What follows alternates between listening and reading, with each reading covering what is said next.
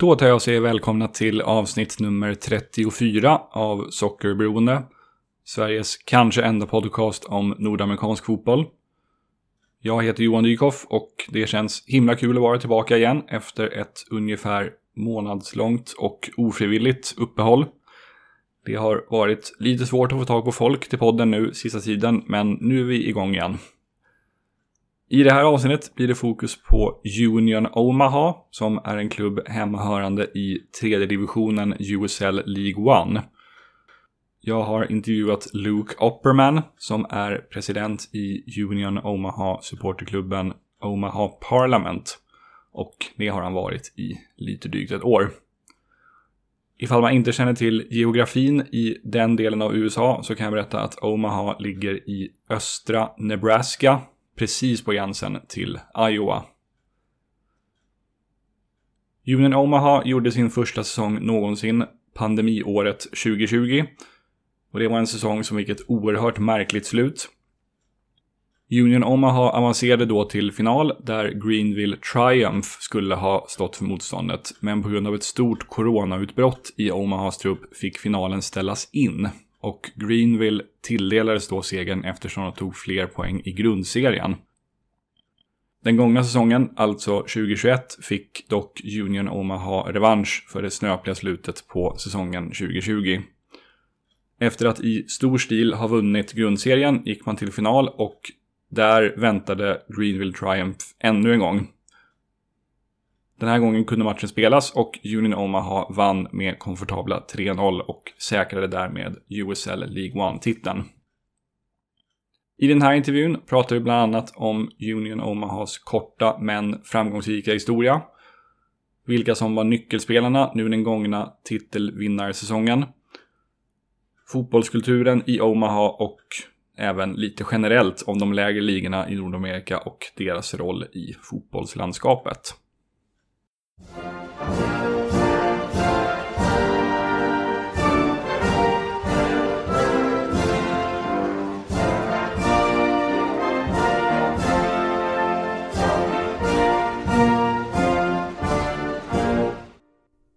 So, um, to start off, this interview will obviously primarily be about uh, Union Omaha and Omaha Parliament, Parliament. But this, since this podcast is based in Sweden, I would like to know what comes to mind for you when you hear the words Swedish soccer.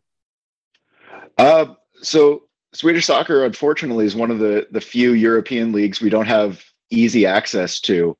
Um, our first year with Union Omaha, um, our backup goalkeeper Sam Howard had actually played in uh, I believe it was third division Sweden. Mm. So that that's the the first first thing that jumps there. But um, Swedish women's national team is always one that jumps to my mind. I follow um, Bayern women, um, who have a number of Swedish national players on, and so it, it, the knowing that it's a very strong football footballing nation, but um, being being limited with availability, it's pretty much only international games that I can watch, unfortunately and perhaps the occasional Swede who performs good in one of the big leagues, uh, like oh yeah, a certain former LA Galaxy striker, for instance. Yeah, no, no, I don't. I, am not not a huge fan of that. Uh, but even though he did did play for Ajax at, at one point, and know, did did extremely well there, which is uh, my my big European club now that I follow. And but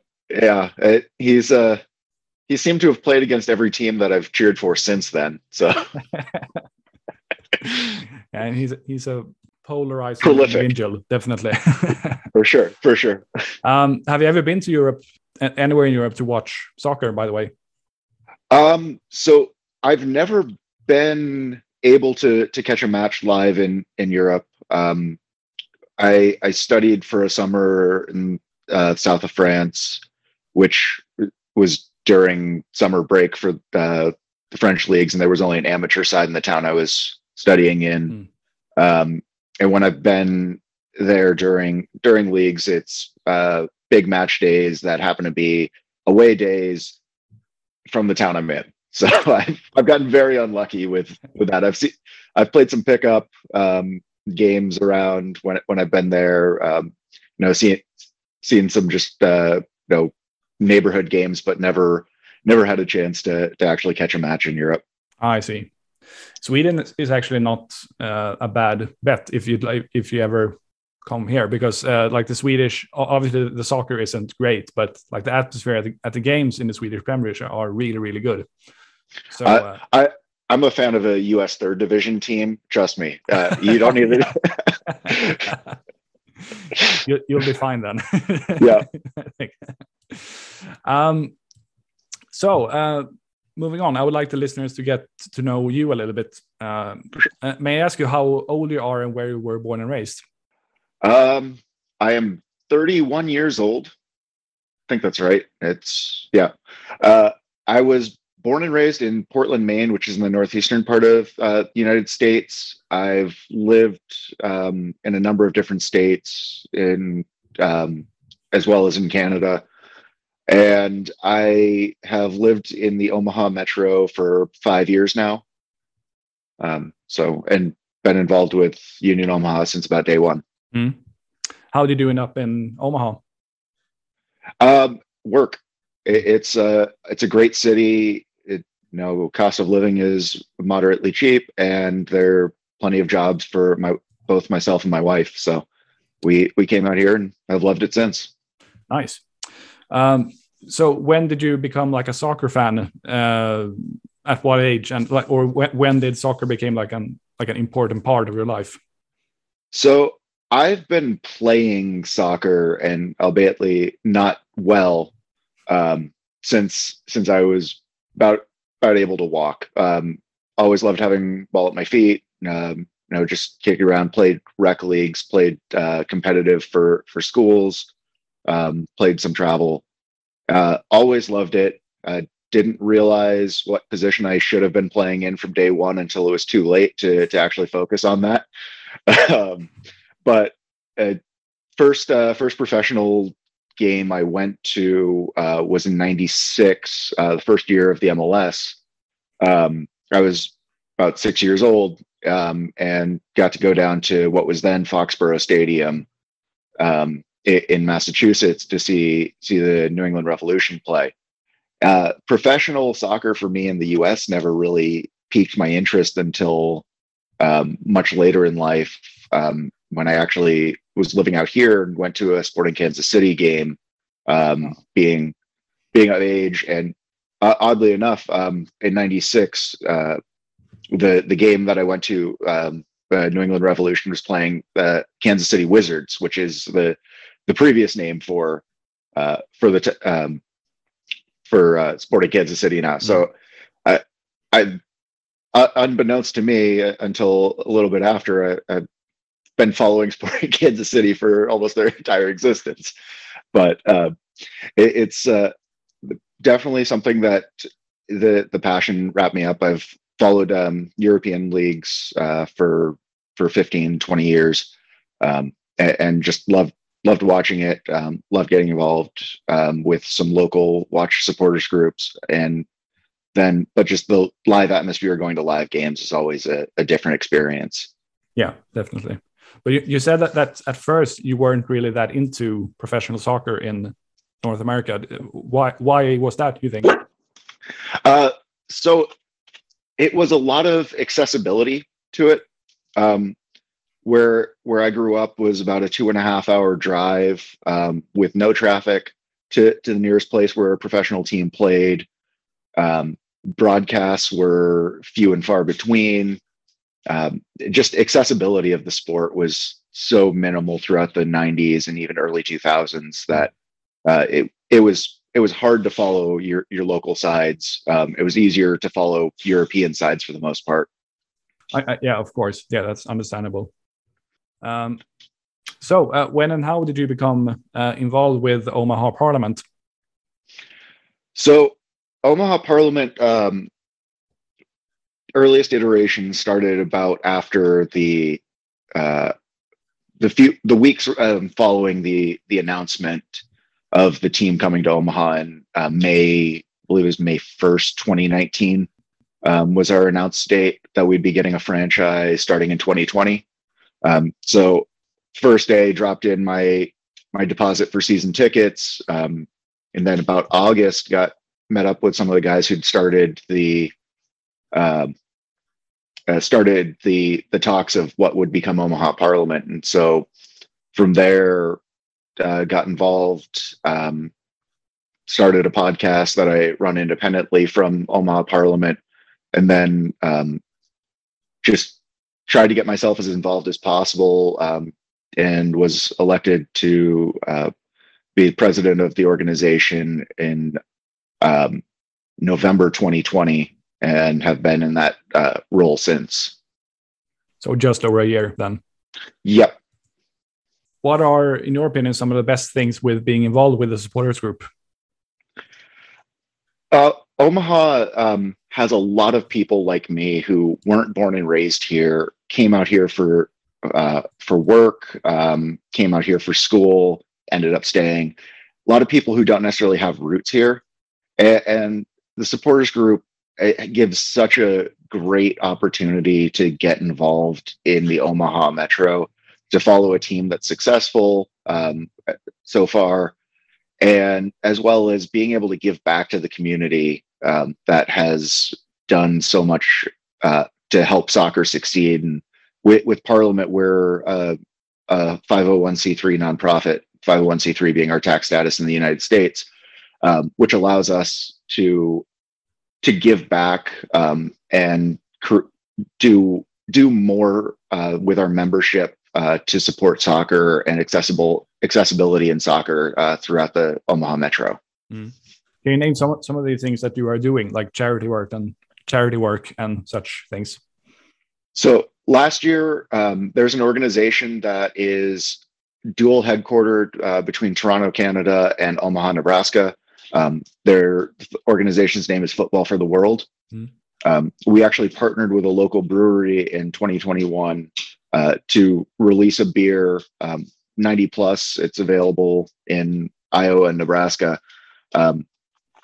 Name referencing to the uh, the goal that secured us a spot in the final was scored in the 91st minute, uh, 92 minutes of stoppage or 92 minutes of game time.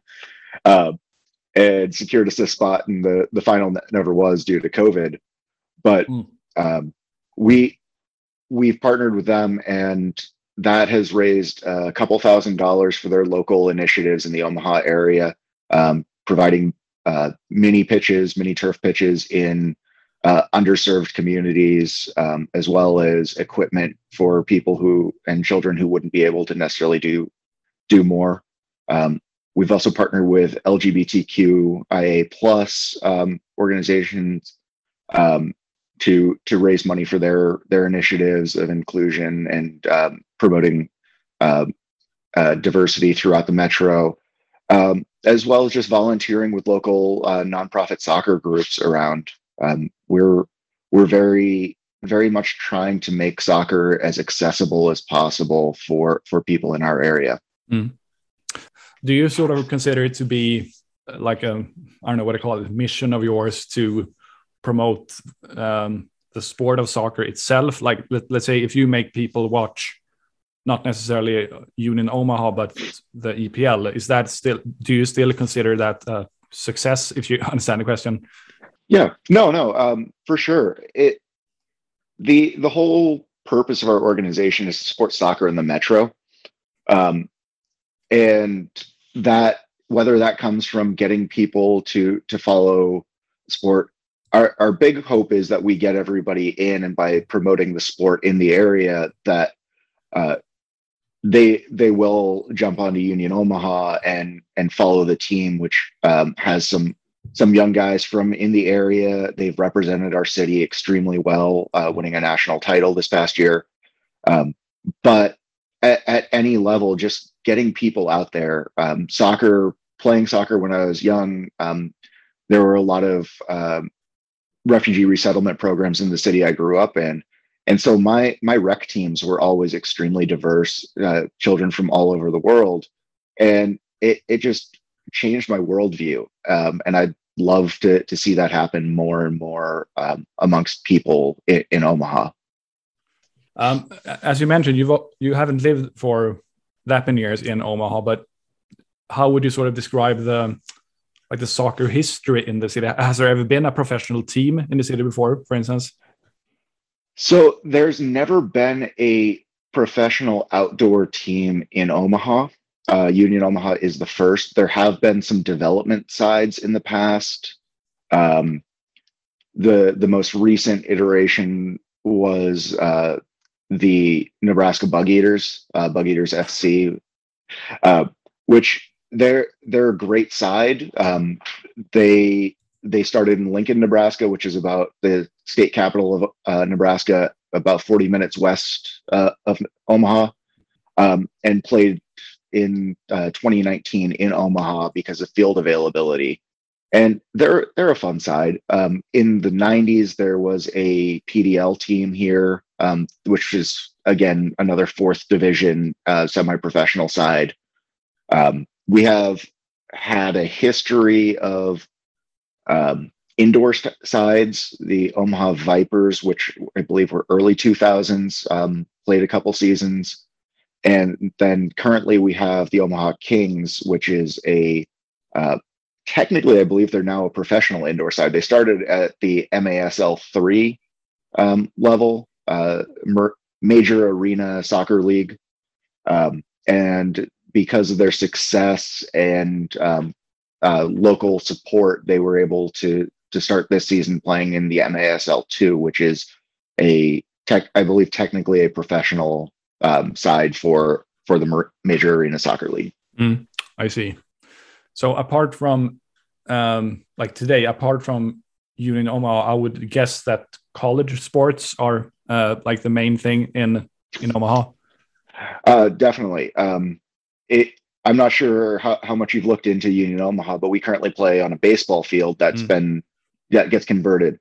Um, both the universities in um, in Omaha, uh, the University of Nebraska Omaha and Creighton University, have soccer specific stadiums that they use for their collegiate athletics, um, which they're they're both beautiful facilities. Um, they have uh, very strong track record of soccer there. Creighton has an amazing basketball um, side.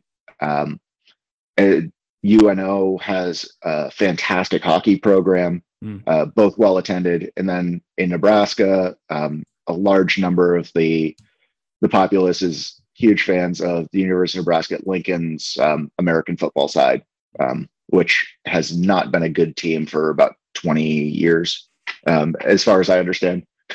So, we're, the the hope is that they uh, they see that there's a professional team in their state that's doing doing well, winning national titles, and uh, you know, uh, may, maybe it's like, oh, we'll try that other football. yeah, definitely.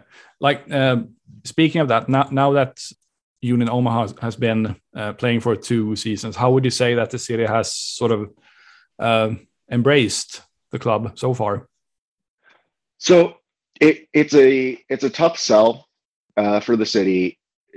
It's been extremely well supported by league standards. Um, we uh, consistently are doing the best attendance um, throughout. We for our final we had I believe it was fifty five hundred um, in attendance for for the USL final, mm um, but averaging over three thousand uh, people per game. Uh, initially, um, the office I work in for my day job, I I'm the only soccer fan in there, mm. and I, every once in a while I get a question from one of them who sees something in the news of like, oh, so how's that how's that team doing? They actually draw anyone? I tell them they're drawing a few thousand people, and they're just shocked. so it, it it's there's still a lot of lot of ground to cover, a lot of uh, recognition to get out there, but the reception is uh, it, has been immense. Getting uh, this past year, managed to get a few friends out to to their first game, um, and this year they're buying season tickets. Oh. No, it, it's really one of those. It, it's tough to get people to the game, but once they're there, they're hooked. Yeah, that's usually the case. yeah. Um, what makes Omaha like a good city for a professional soccer club, in your opinion? So it's extremely, extremely positive on the youth soccer side. Um, we have a large uh, Hispanic population um, in, in Omaha that has uh, strong ties to, to Mexico and Central America. um, which absolutely the countries they're coming from um, uh, have a fantastic support uh, history of support for for soccer. The the youth soccer in um, in even the satellite cities, the the suburbs, uh, is is very strong. Um, my city, which is only and on in Iowa, um, we're only about sixty thousand people in in our city, um, but the soccer club that uh, covers the our region in Iowa has twenty thousand kids in it. Um, oh, wow. There's there's um, a number of other similarly sized programs throughout Nebraska that just have so much youth engagement that it, soccer's everywhere. It's hard to go anywhere in Omaha and not see see goals set up um, or see kids uh, kicking around a ball. Um, but just getting that to to professional level and seeing getting kids out there, getting families out there, um, getting newcomers to the city out there to to see that hey, this is something that there there's an attainable step, and it's you know um, not not difficult to to imagine a kid from our from our city end up playing there. And mm. actually, this past year we had um, two academy signings um, uh, who both got some minutes uh, playing against top teams and, and ex- did extremely well. Um, 17 years old and playing for their local professional side. That's awesome. It's, in, also interesting to hear you speak about like soccer being big on the youth level, but like taking the next step to like engaging people on the professional level is a whole different deal because I, I because I just I can just compare it to Sweden in like if a Swedish kid is interested in soccer, he and his it would be re- very natural for him him and his parents or him or her the, the kid and the rest of the family to go to a professional soccer game but that doesn't seem to be the case in Omaha then. I, honestly, it's not the case in a lot of places in the, the US. Mm-hmm. Um, it's becoming more and more prevalent the more teams that are accessible. Uh, the USL as a whole has made it so you're not six hours away from your nearest professional team. Uh, you know, it's down the road. Um, it's right. in your city of 100,000, uh, your city of 200,000. I mean, Omaha being a metro of just about a million, um, having a, a professional team that's not baseball, because just about every mid-sized city in the U.S. has a professional baseball side. Um, which personally I don't find it very interesting as a sport, but you know, America's pastimer. Uh, but we're the the accessibility of um, the the path to pro model that USL is doing and MLS is doing, um, NISA is doing where putting these academies in that then there's okay this is how you get to the semi-pro level that you can play uh, while you're in college or this is your pathway to to the professional team that's putting putting out uh, players that if they're not staying in the us are going internationally or um, or at least getting uh, getting recognition in their communities the the local idolization uh, is something that really it, it's a step that it's about to hit mm. um, i think but we're it, it, requires a lot of lot of support from supporters um, and from from local communities in in general yeah of course um, you mentioned the what was supposed to have been the 2020 final before yep um, uh, I can imagine that most of the listeners here in Sweden don't know about that strange ending to uh, the 2020 season, which was the first for Union Omaha, the first in the history of the club. Um, would you mind just giving like a brief summary of that season and the bizarre ending to it? Uh, well, I mean, that whole season was just a, a bizarre one. Um, I I was traveling internationally in early March um, and flying back back from Africa, and then two days later, the borders were closed, uh, and our league was potentially not going to play at all in the, the first ever year of uh, of Union Omaha. So the fact that we we came out, we we played. I think that was only a 16 game season, but play play those games and uh, get to the final. And the final was only a week after our last game, so not not a whole lot of time uh, for uh, playing against the Greenville Triumph at, at, Greenville. And a number of us had uh, supporters that were all figuring out different ways to get down there. And uh, my my wife, um, my buddy, and my buddy's uh, then girlfriend, now fiance, all all decided we were going to drive down.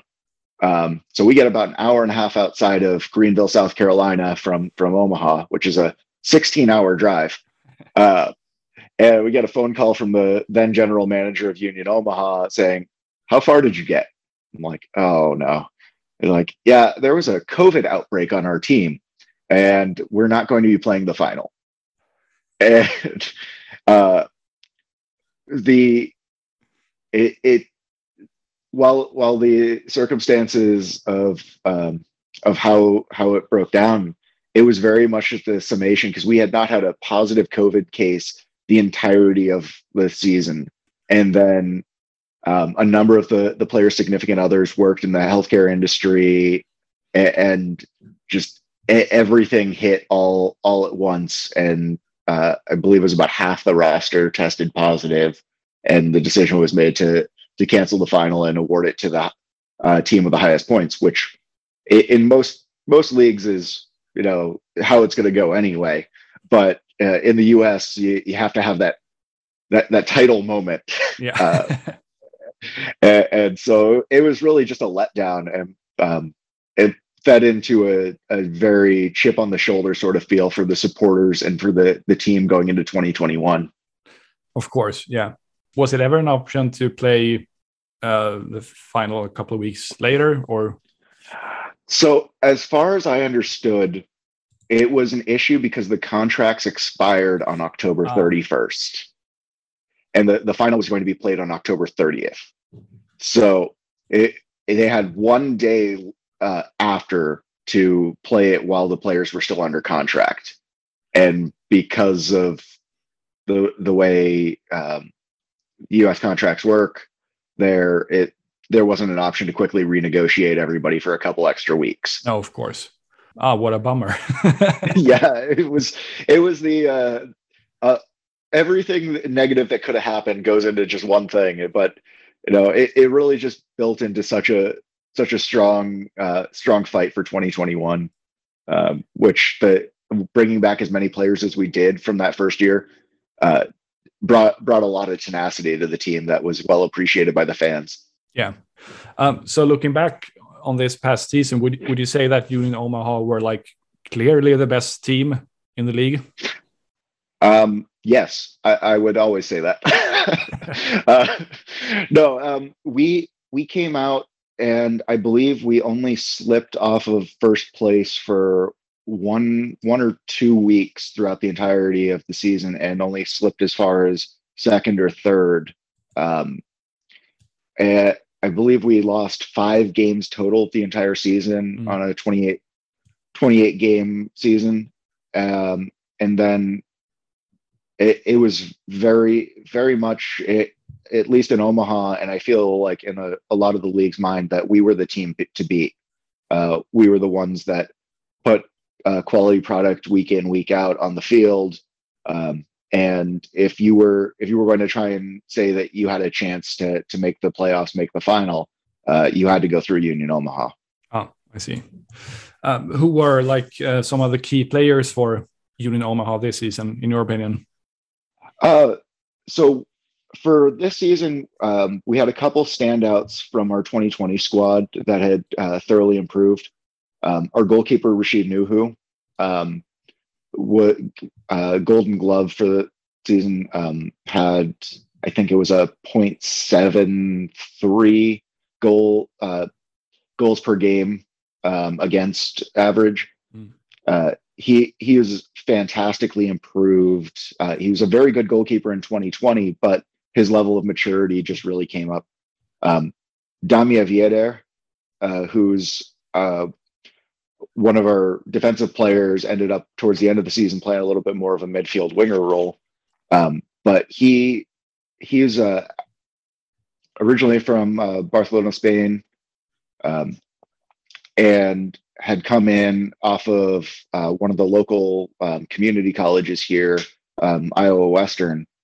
Joined the Union Omaha squad as his first professional contract.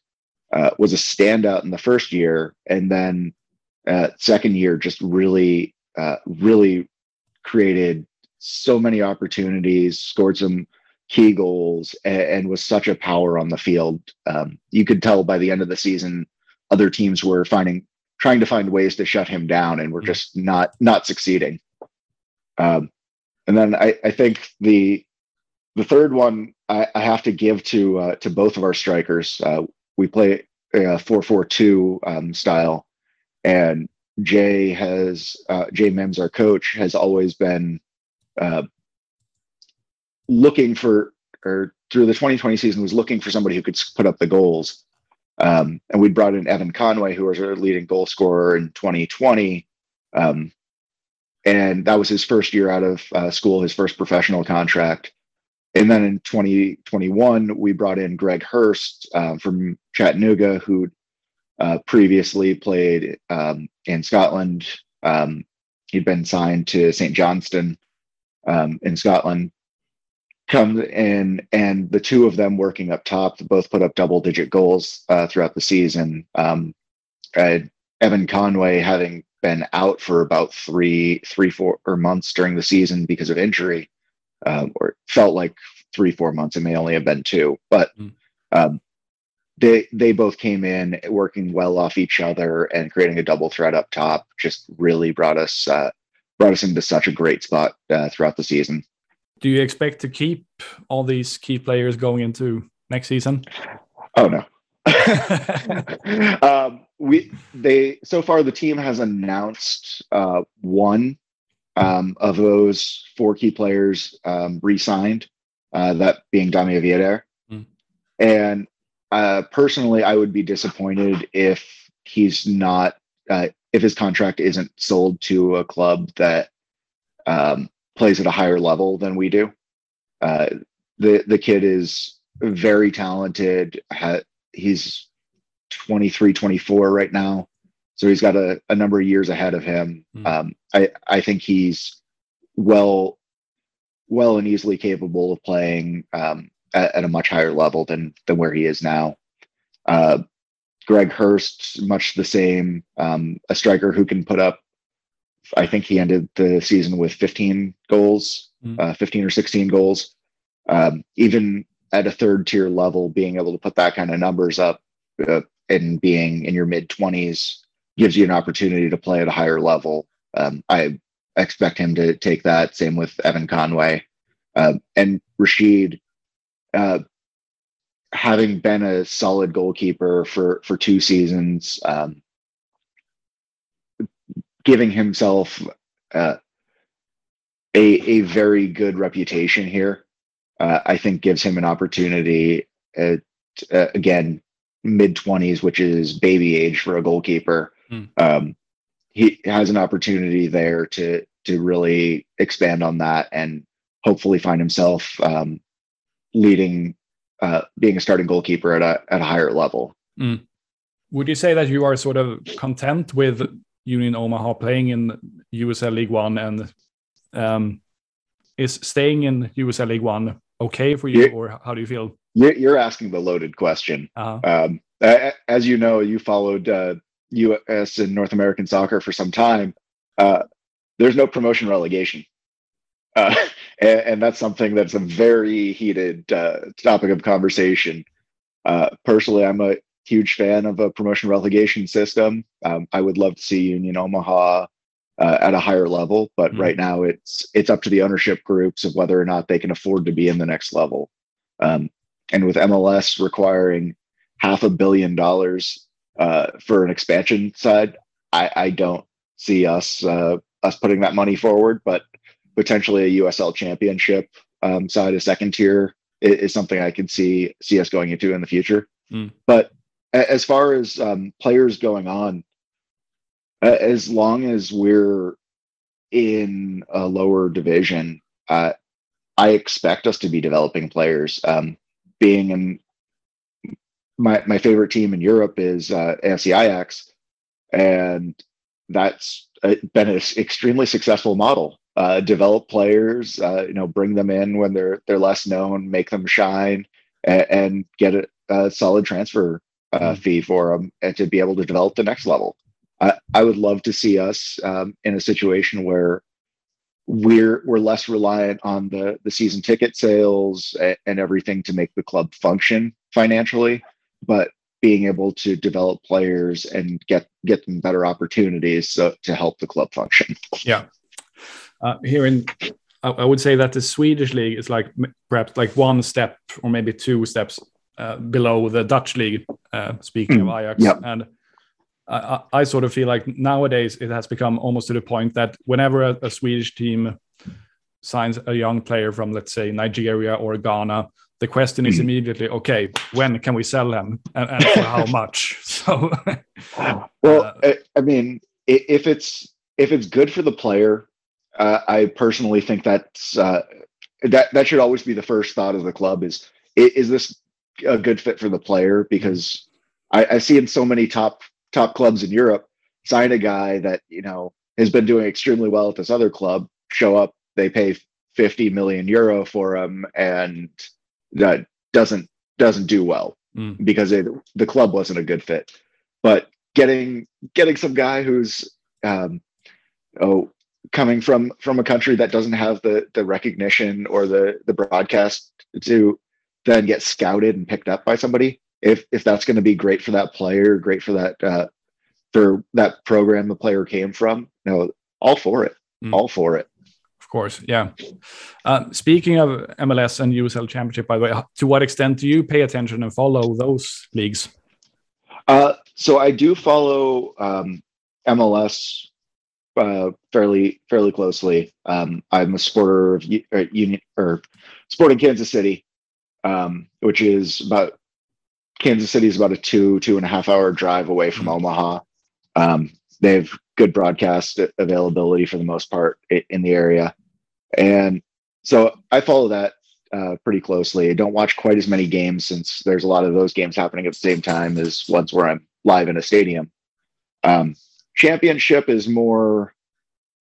I I follow it uh, for for the sake of um, for the sake of seeing how teams are doing, I'll occasionally watch a game, but I don't have a, a club I support um, in the championship.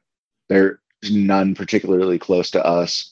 Um, a couple of our former players ha- have played at championship levels, um, or if they go there, I'm sure I'll be tuning in a little bit more to see where where our players uh, are going and how they're doing. Mm. Um, but for for that, it's without the, the promotion relegation, the only chance we, we get to play them is the, the U.S. Open Cup, um, which has been on hiatus for the past two years uh, due to the pandemic. Mm. Right, of course.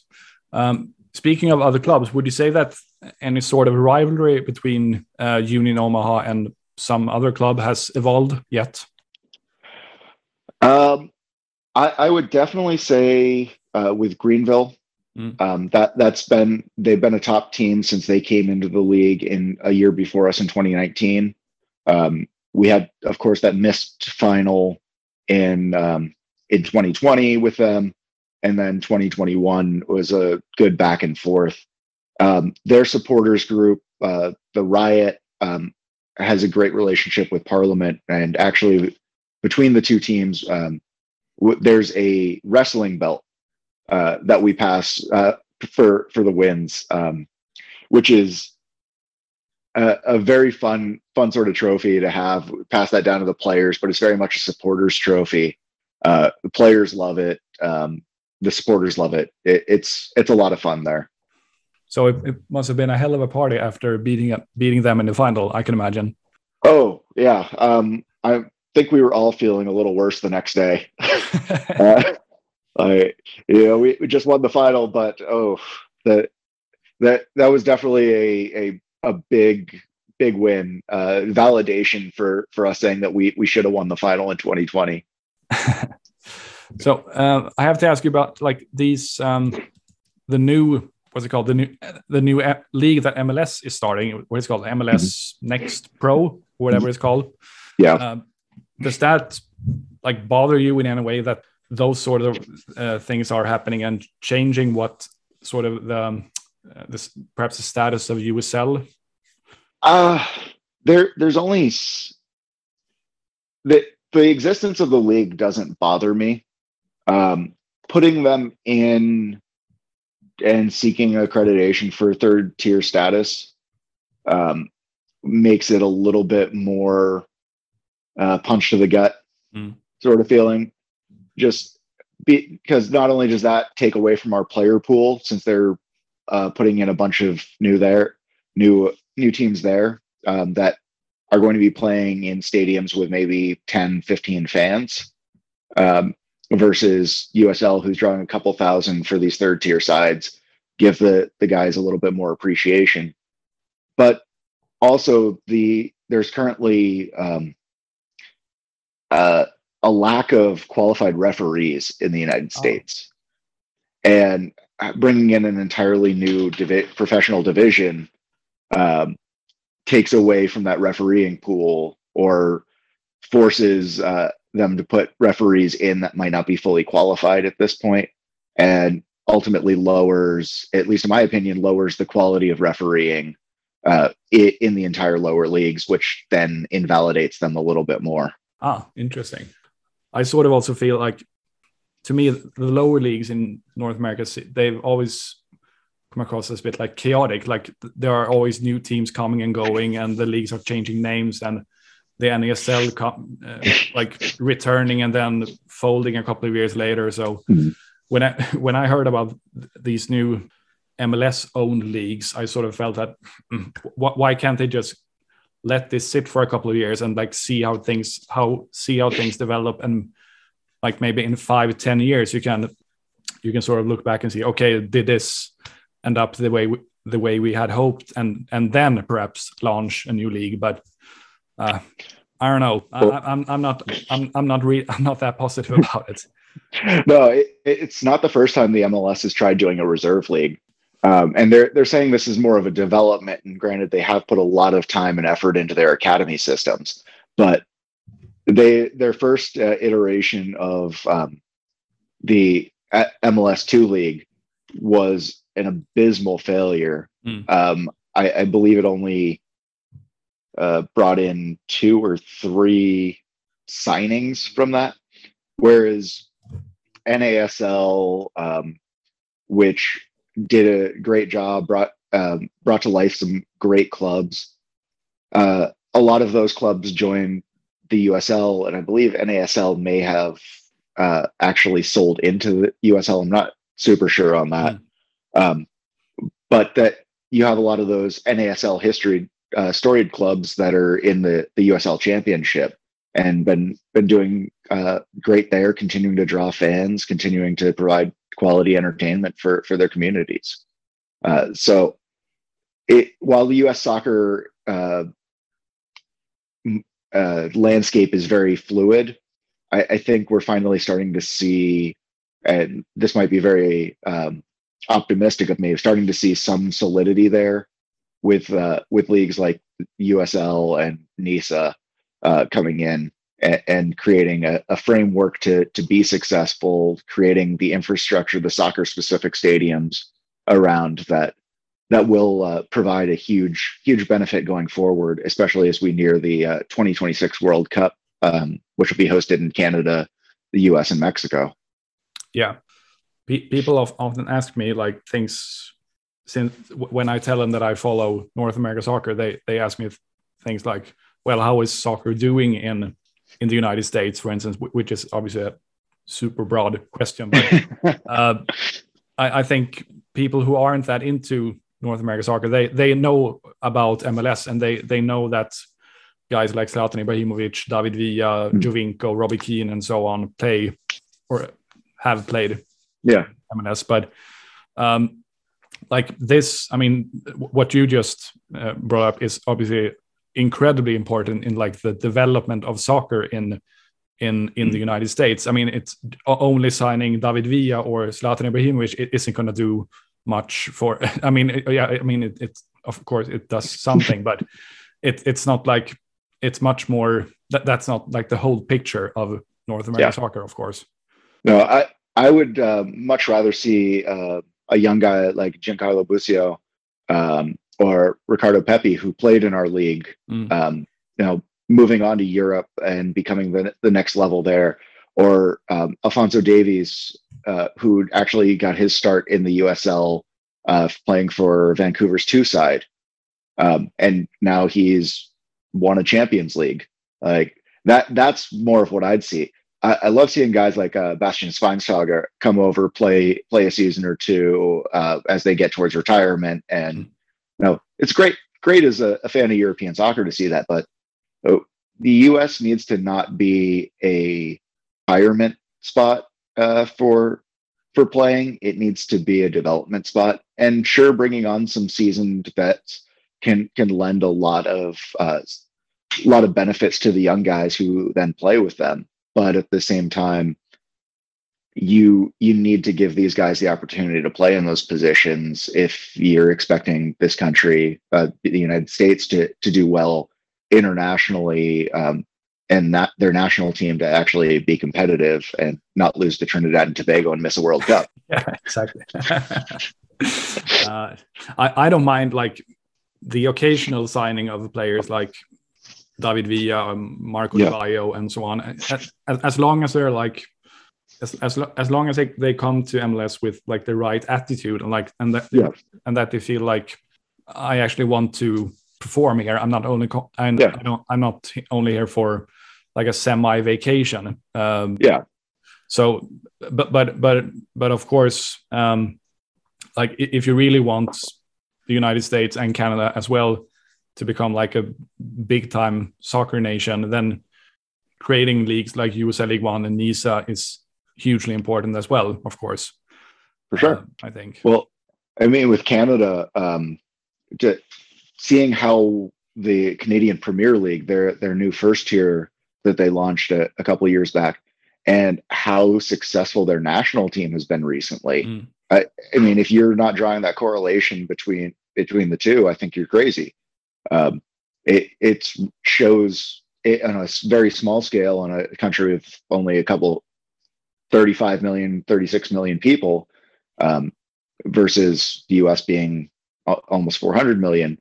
It, but the the difference there being what in a, a smaller country where throwing in a professional league that's forcing canadian players to to play there uh, looking to do the same thing in the US with multiple leagues mm. that have requirements for playing domestic players. Um, I believe in USL League One, we're only allowed seven international roster slots um, and on a maximum 28 person roster. Mm. So you can't even put a full 11 together with with uh, with internationals. So you're forced to to play a lot of domestic guys um, which has been extremely beneficial. Yeah, of course. Um, before we wrap things up, uh, is there anything Union Omaha or Omaha Parliament related that you would like to give a plug for, or like anything in particular that you want the listeners to check out or know about? Um, Omaha Parliament is we we have a great online merch store which helps uh, support our um, our mission and supporting our soccer in our community. That's omahaparliament.org.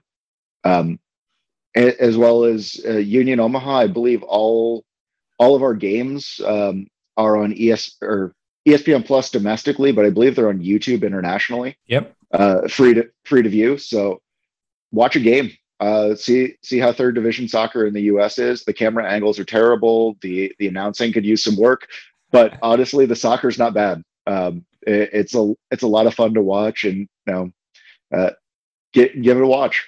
Mm. And please feel free to give a plug for your podcast as well. Yeah. Um, so my my podcast is uh, Who Gives a Hoot, and that's a we're available um, at wghmedia.com. Uh, that has blog, uh, a blog that covers uh, supporters culture as well as um, analytics and um, post game reviews there, as well as sometimes a weekly podcast. Uh, our schedules kind of goes, especially in the off season, based on when there's things to talk about. Uh, my my voice isn't pretty enough to listen to it when I don't have something to say, uh, but it definitely definitely worth checking out. And as I said, uh, you know, just just try and watch the games if you can.